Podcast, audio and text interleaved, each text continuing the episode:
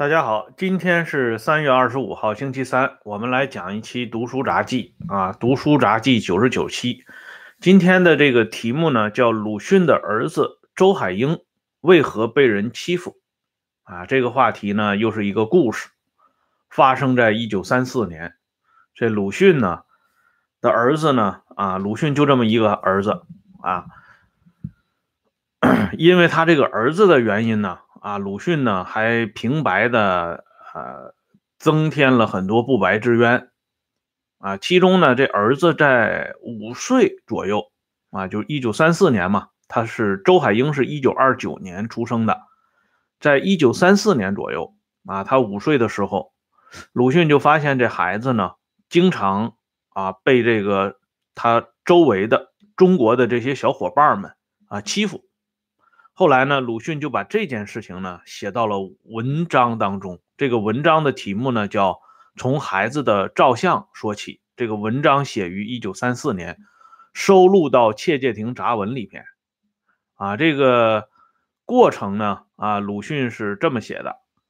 他说呢，九一八事件后就被同胞误认为日本孩子，骂了好几回，还挨过一次打。自然是并不重的啊！这里还要加一句，说的听的都不十分舒服的话。从这个鲁迅的叙述里边呢，我们可以看到，周海婴啊，鲁迅的这个独生儿子周海婴之所以让人欺负，又挨打又挨骂，原因呢啊是被当成日本的孩子啊。为什么他的儿子会被人家当成日本的孩子呢？啊，鲁迅呢，接着做了解释。啊，他说，中国和日本的小孩子穿的如果都是洋服，普通实在是很难分辨的。但我们这里的有些人却有一种错误的速断法，温文尔雅、不大言笑、不大动弹的是中国孩子，健壮活泼、不怕生人、大叫大叫大跳的是日本孩子。于是呢，这个鲁迅的儿子周海婴就因为健康、活泼、大叫大跳啊，因为鲁迅呢在教育这个孩子的时候呢，他不想把这个孩子管得太厉害，所以呢，希望他健康一点、活泼一点，哪怕是顽皮一点啊都没有问题。结果呢，平白的让孩子呢挨了一顿欺负，因为鲁迅自己啊对这个。巡抚这个巡粮这个话，这个概念呢，他是有自己的呃认识的啊。关于这一点呢，鲁迅的文章里边说的很清楚，他是这么写的：他说巡粮之类啊，并不是恶德，但发展开去，对一切事无不巡粮，却绝不是美德。也许简直倒是没出息啊。这是鲁迅的话。因此呢，这鲁迅认为，啊，孩子呢还是活泼健壮一点比较好。鲁迅的儿子啊被欺负了以后呢，啊，鲁迅还有许广平，特别是许广平作为家长啊，自然要出面干预。不过这种干预呢，后来突然发生了变化啊，因为到了一九三四年以后。鲁迅发现啊，一个奇怪的现象产生了。他在文章里是这么写的：“他说，近一年多以来，这样的事情可是一次也没有了。啊，就是从一九三三年开始，到一九三四年写文章的时候，鲁迅的儿子周海婴不再被中国的小伙伴欺负了。为什么呢？后来呢？”啊，徐广平他们做过一个解释，呃，因为从一九三三年以后，大家看到了啊，特别是进入到一九三四年，啊，这日本人呢对华的侵略的步骤呢，逐渐是紧锣密鼓起来，啊，而且呢，他的势力范围不仅局限在北方，逐渐向南方推进，日本人在华的势力呢。啊，开始如日中天起来。不仅是这个啊，老百姓啊感受到，连这个主持黄金十年的国民党政府呢，也切切实实的感受到了。就在鲁迅写文章的啊下一年，一九三五年，我们都知道那个著名的《新生周刊》事件发生了。《新生周刊》上边发表了一篇文章，叫《闲话皇帝》。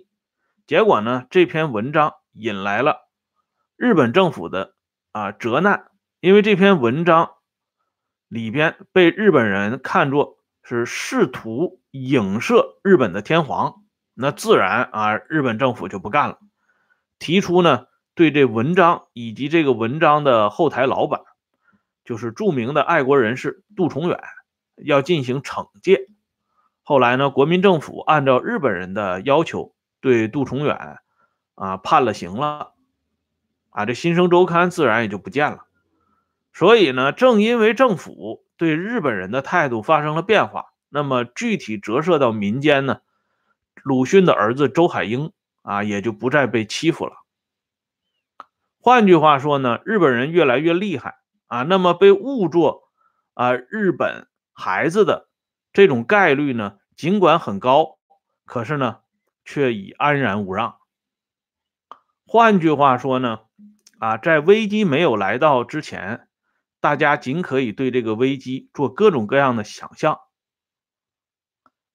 在对一个啊民主、自由、开放的社会，对一个手无缚鸡之力的弱势群体，他们仅可以施暴，可以驰骋自己的想象的空间。可是，一旦啊最凶狠的暴力，最凶残的敌人走到面前的时候，他们立刻啊，乖乖的啊，就像绵羊一样，老老实实的收敛起自己的拳头和恶言恶语啊，在外敌啊当前的时候呢，他们最先想到的是如何欺负啊老弱病残、弱势群体。而不是把这个强敌呢摒于国门之外，啊，这是鲁迅写这篇文章里边要昭示出来的这个意义。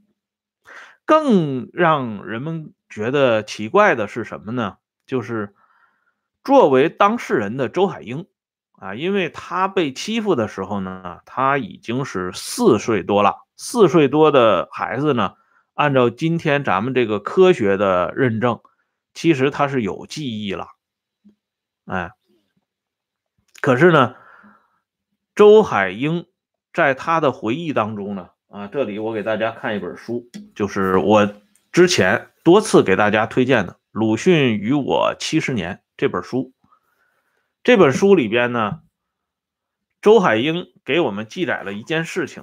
他说他们当年呢，在保姆的带领下。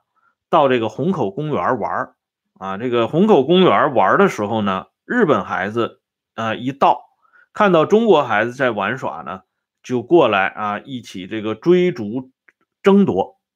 等西方人的这些孩子们呢啊在那玩呢，日本人的孩子就不干预啊。这个场景呢，让周海婴记忆深刻。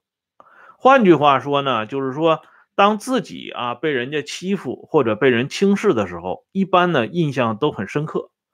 然而就在这本书里边，我们却没有看到周海婴回忆起自己被同胞的啊小伙伴们欺负的记录，反倒是他这个当爹的鲁迅呢，对此呢一直是耿耿于怀，念念不忘。那么周海婴是年深日久忘记了吗？啊，不是，啊，老弟，谢谢啊。这个《鲁迅与我七十年》啊，这本书我再说一遍，这本书真的很好看。但是这本书好看，要结合另外一本书啊，把这两本书合起来看就更好看。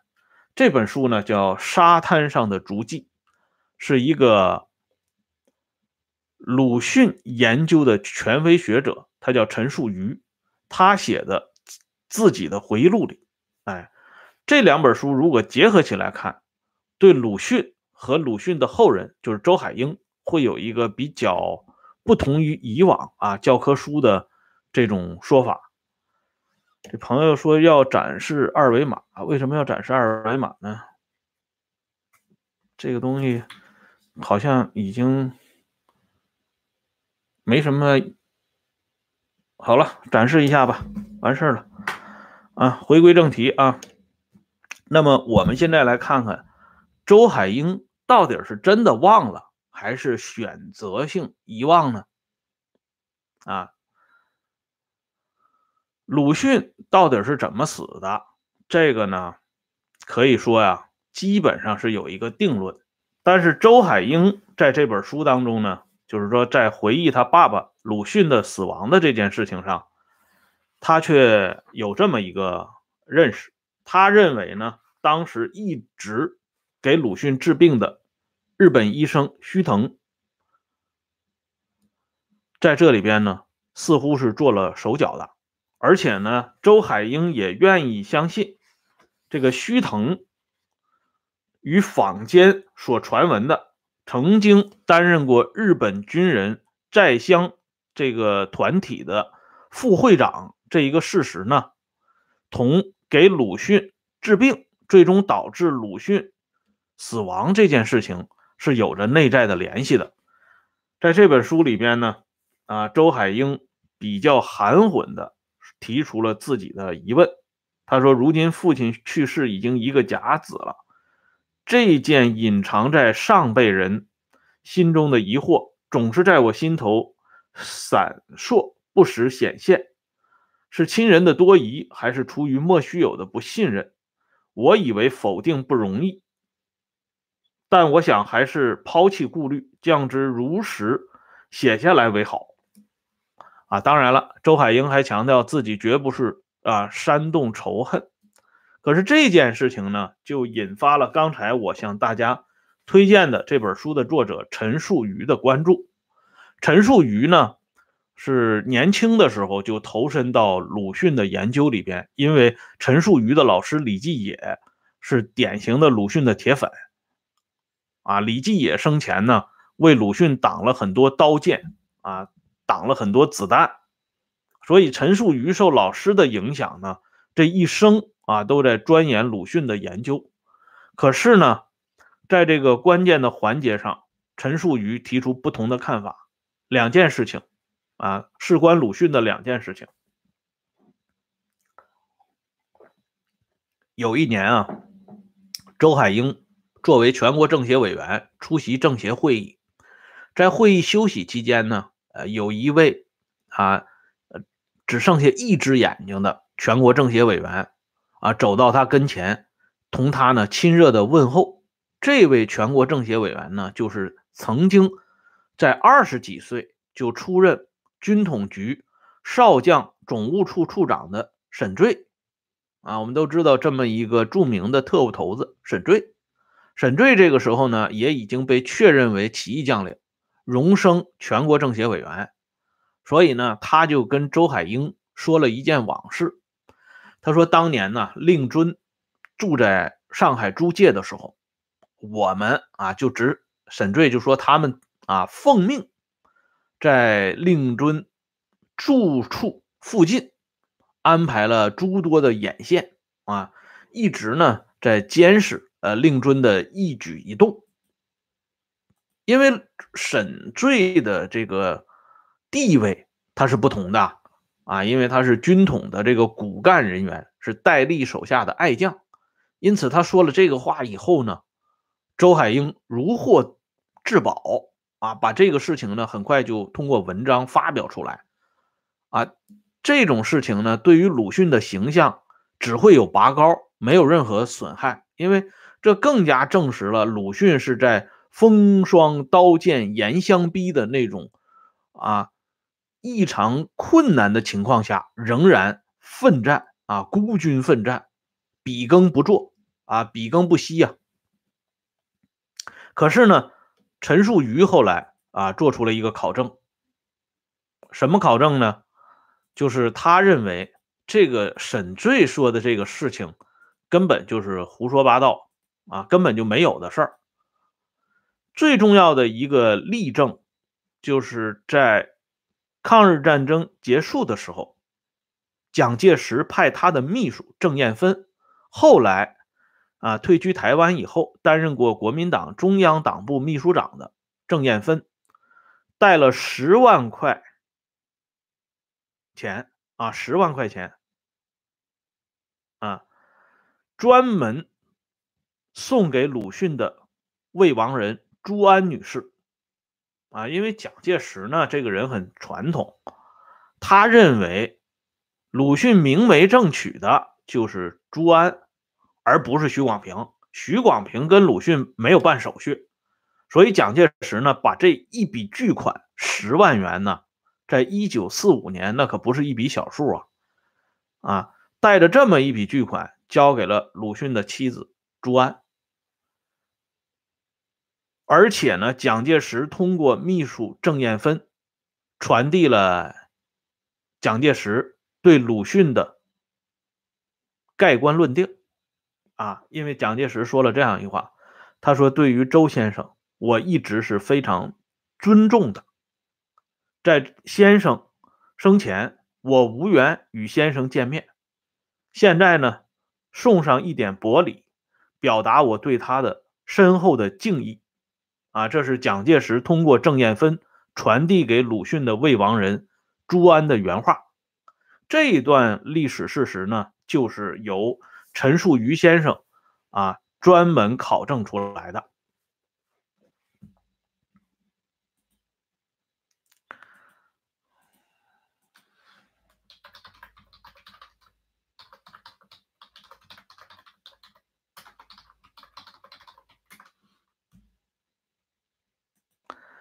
由于这段考证呢，就直接驳斥了啊沈醉的这些。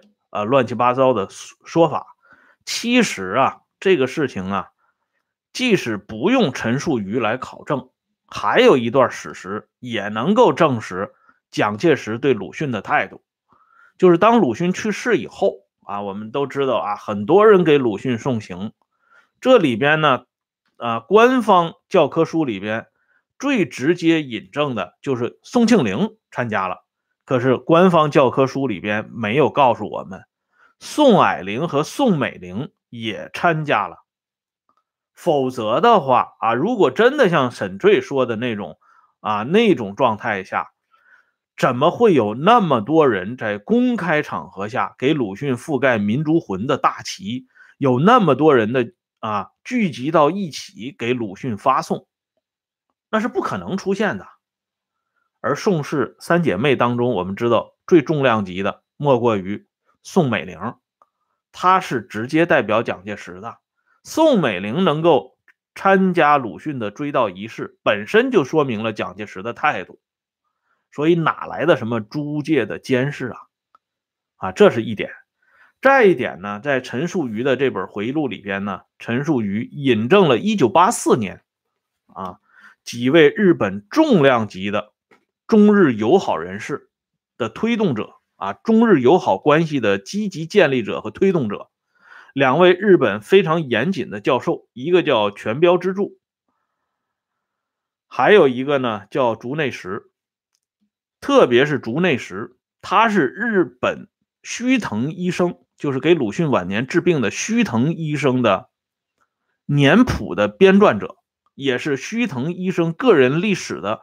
最深厚的研究者，竹内实呢是多年为中日友好奔走呼号的一个最有力者，他呢都看不过去了，他认为啊啊中国国内公开发表的这种认为鲁迅死于须藤医生的拖延治疗，实在是不够严谨，所以竹内先生呢就专门做了文章，做了解释，其他呢还有丸山生。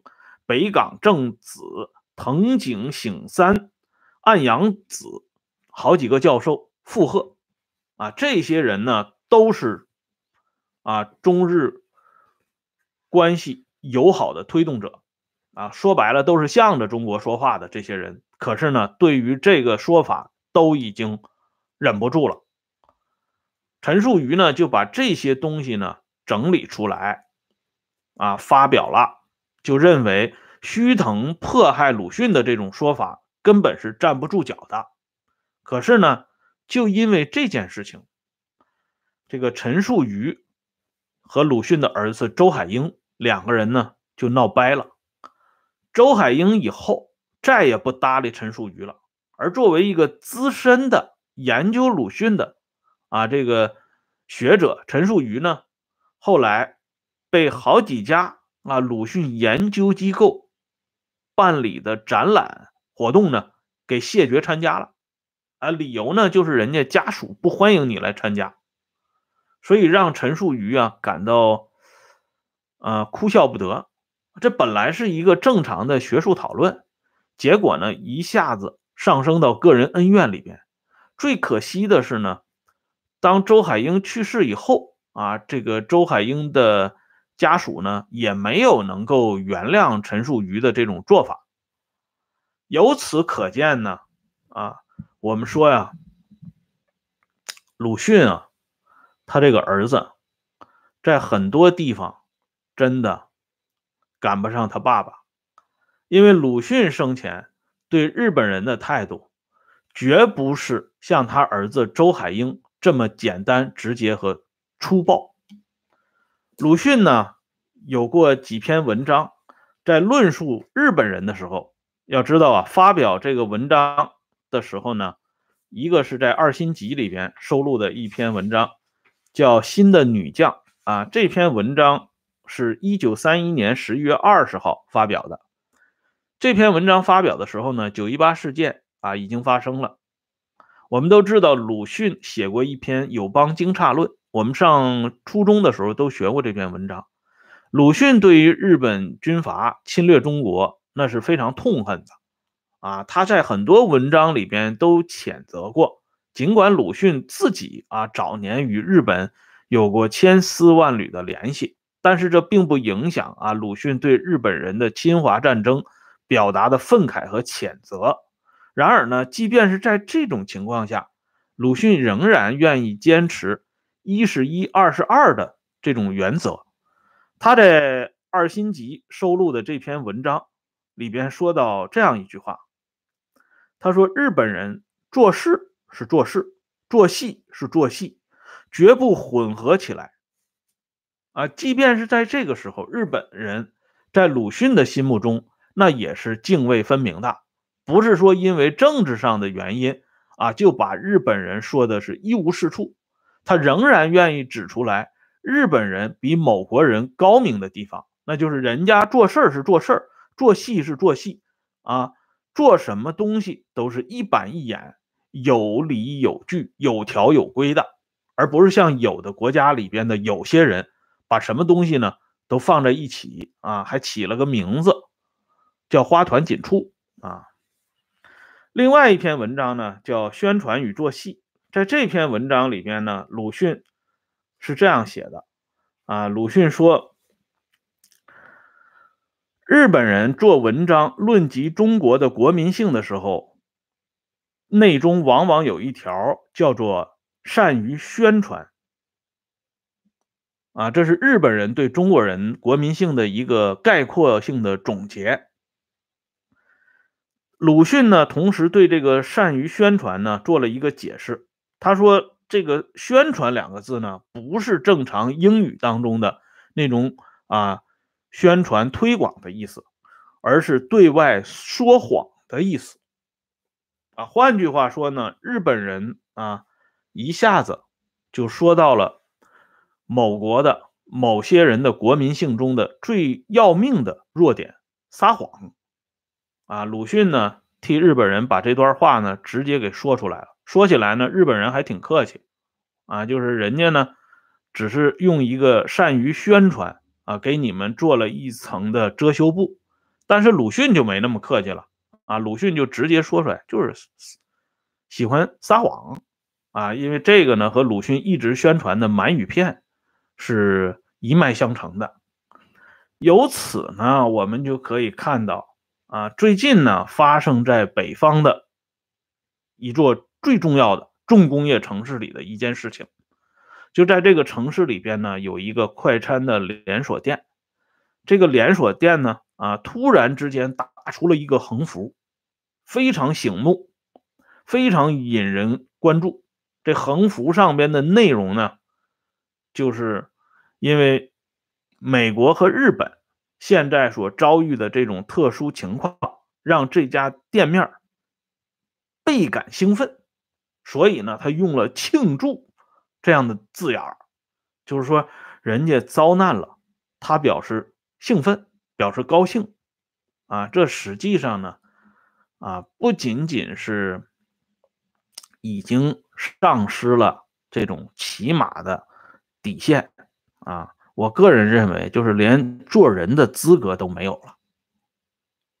哎，前两天我在这个推特上曾经引了这个啊，歌德说过的一句话，这我是从网上看到的啊，我也没有求证歌德是不是说过这句话。但是歌德有没有说过这句话不重要，关键是这句话本身他所表达出来的意思。啊，是非常准确的。就是说，这个在有些人呢，在低劣的时候啊，他除了啊，就是人变得真正低劣时，除了高兴别人的不幸外，已无其他乐趣可言。啊，由此呢，我们就可以看到某些人的啊卑劣和低劣之处。那么，这个卑劣和低劣之处来源于哪里呢？就是来源于鲁迅所说的。做事儿不是做事儿，做戏不是做戏，做事儿可能是做戏，做戏可能是做事儿，而这些混在一起的呢，就是四个大字啊，善于宣传。正是因为这些东西呢，啊，个人变得禽兽不如，所以他们才会打出这种横幅。啊，所幸的是呢，这个事情呢。发生不久以后呢，已经得到纠偏，但是这种纠偏呢，我个人认为更多的是形式上的纠偏。其实他内心里边的这些东西呢，没有被呃触碰到，以后呢还会利用各种各样的机会呢发泄出来，并且呢，我们看到这次打出这种啊丧尽天良的横幅的，不仅仅是这家粥店。还有那些高居庙堂之上的人，啊，他们在推特上，啊，在其他的这个社交平台上发出的那种种种烂言，让人们怀疑，啊，这个是不是又峰回路转了？所以呢，凡此种种，啊，我们就可以看到，从周海英。啊，对日本人的这种怀疑、不信任，以及选择性的遗忘，到今天周店挂出的这个横幅，是期来有致的。鲁迅一生啊，倡导启蒙，倡导觉悟，试图呢用一己之力唤醒国人，啊，改造国民性。可惜呢，他最终是失败了。他这个失败呢是很惨的，因为他连自己最心爱的儿子呢都没有没没有办法改变，所以呢，回过头来我们再看今天发生的很多事情，也就非常可以理解了。感谢刚才的一个朋友啊对节目的支持啊，如果这个。喜欢这个节目的话呢，可以这个往这个 PayPal 上面啊，就是表示一下啊。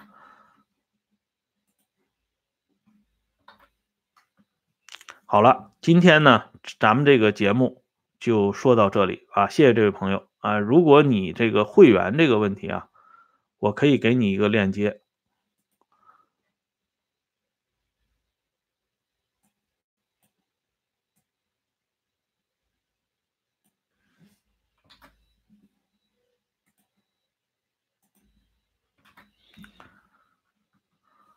今天呢，如果有时间的话，我们还要继续讲一期《开国将帅异闻录》啊。今天要讲这期节目呢，就涉及到之前给大家推荐的一本小册子里边啊，也想给大家呢简单说一下这个看书啊看这种正史啊，就是《义林风》这本书，看这种正史的书啊，有什么窍门？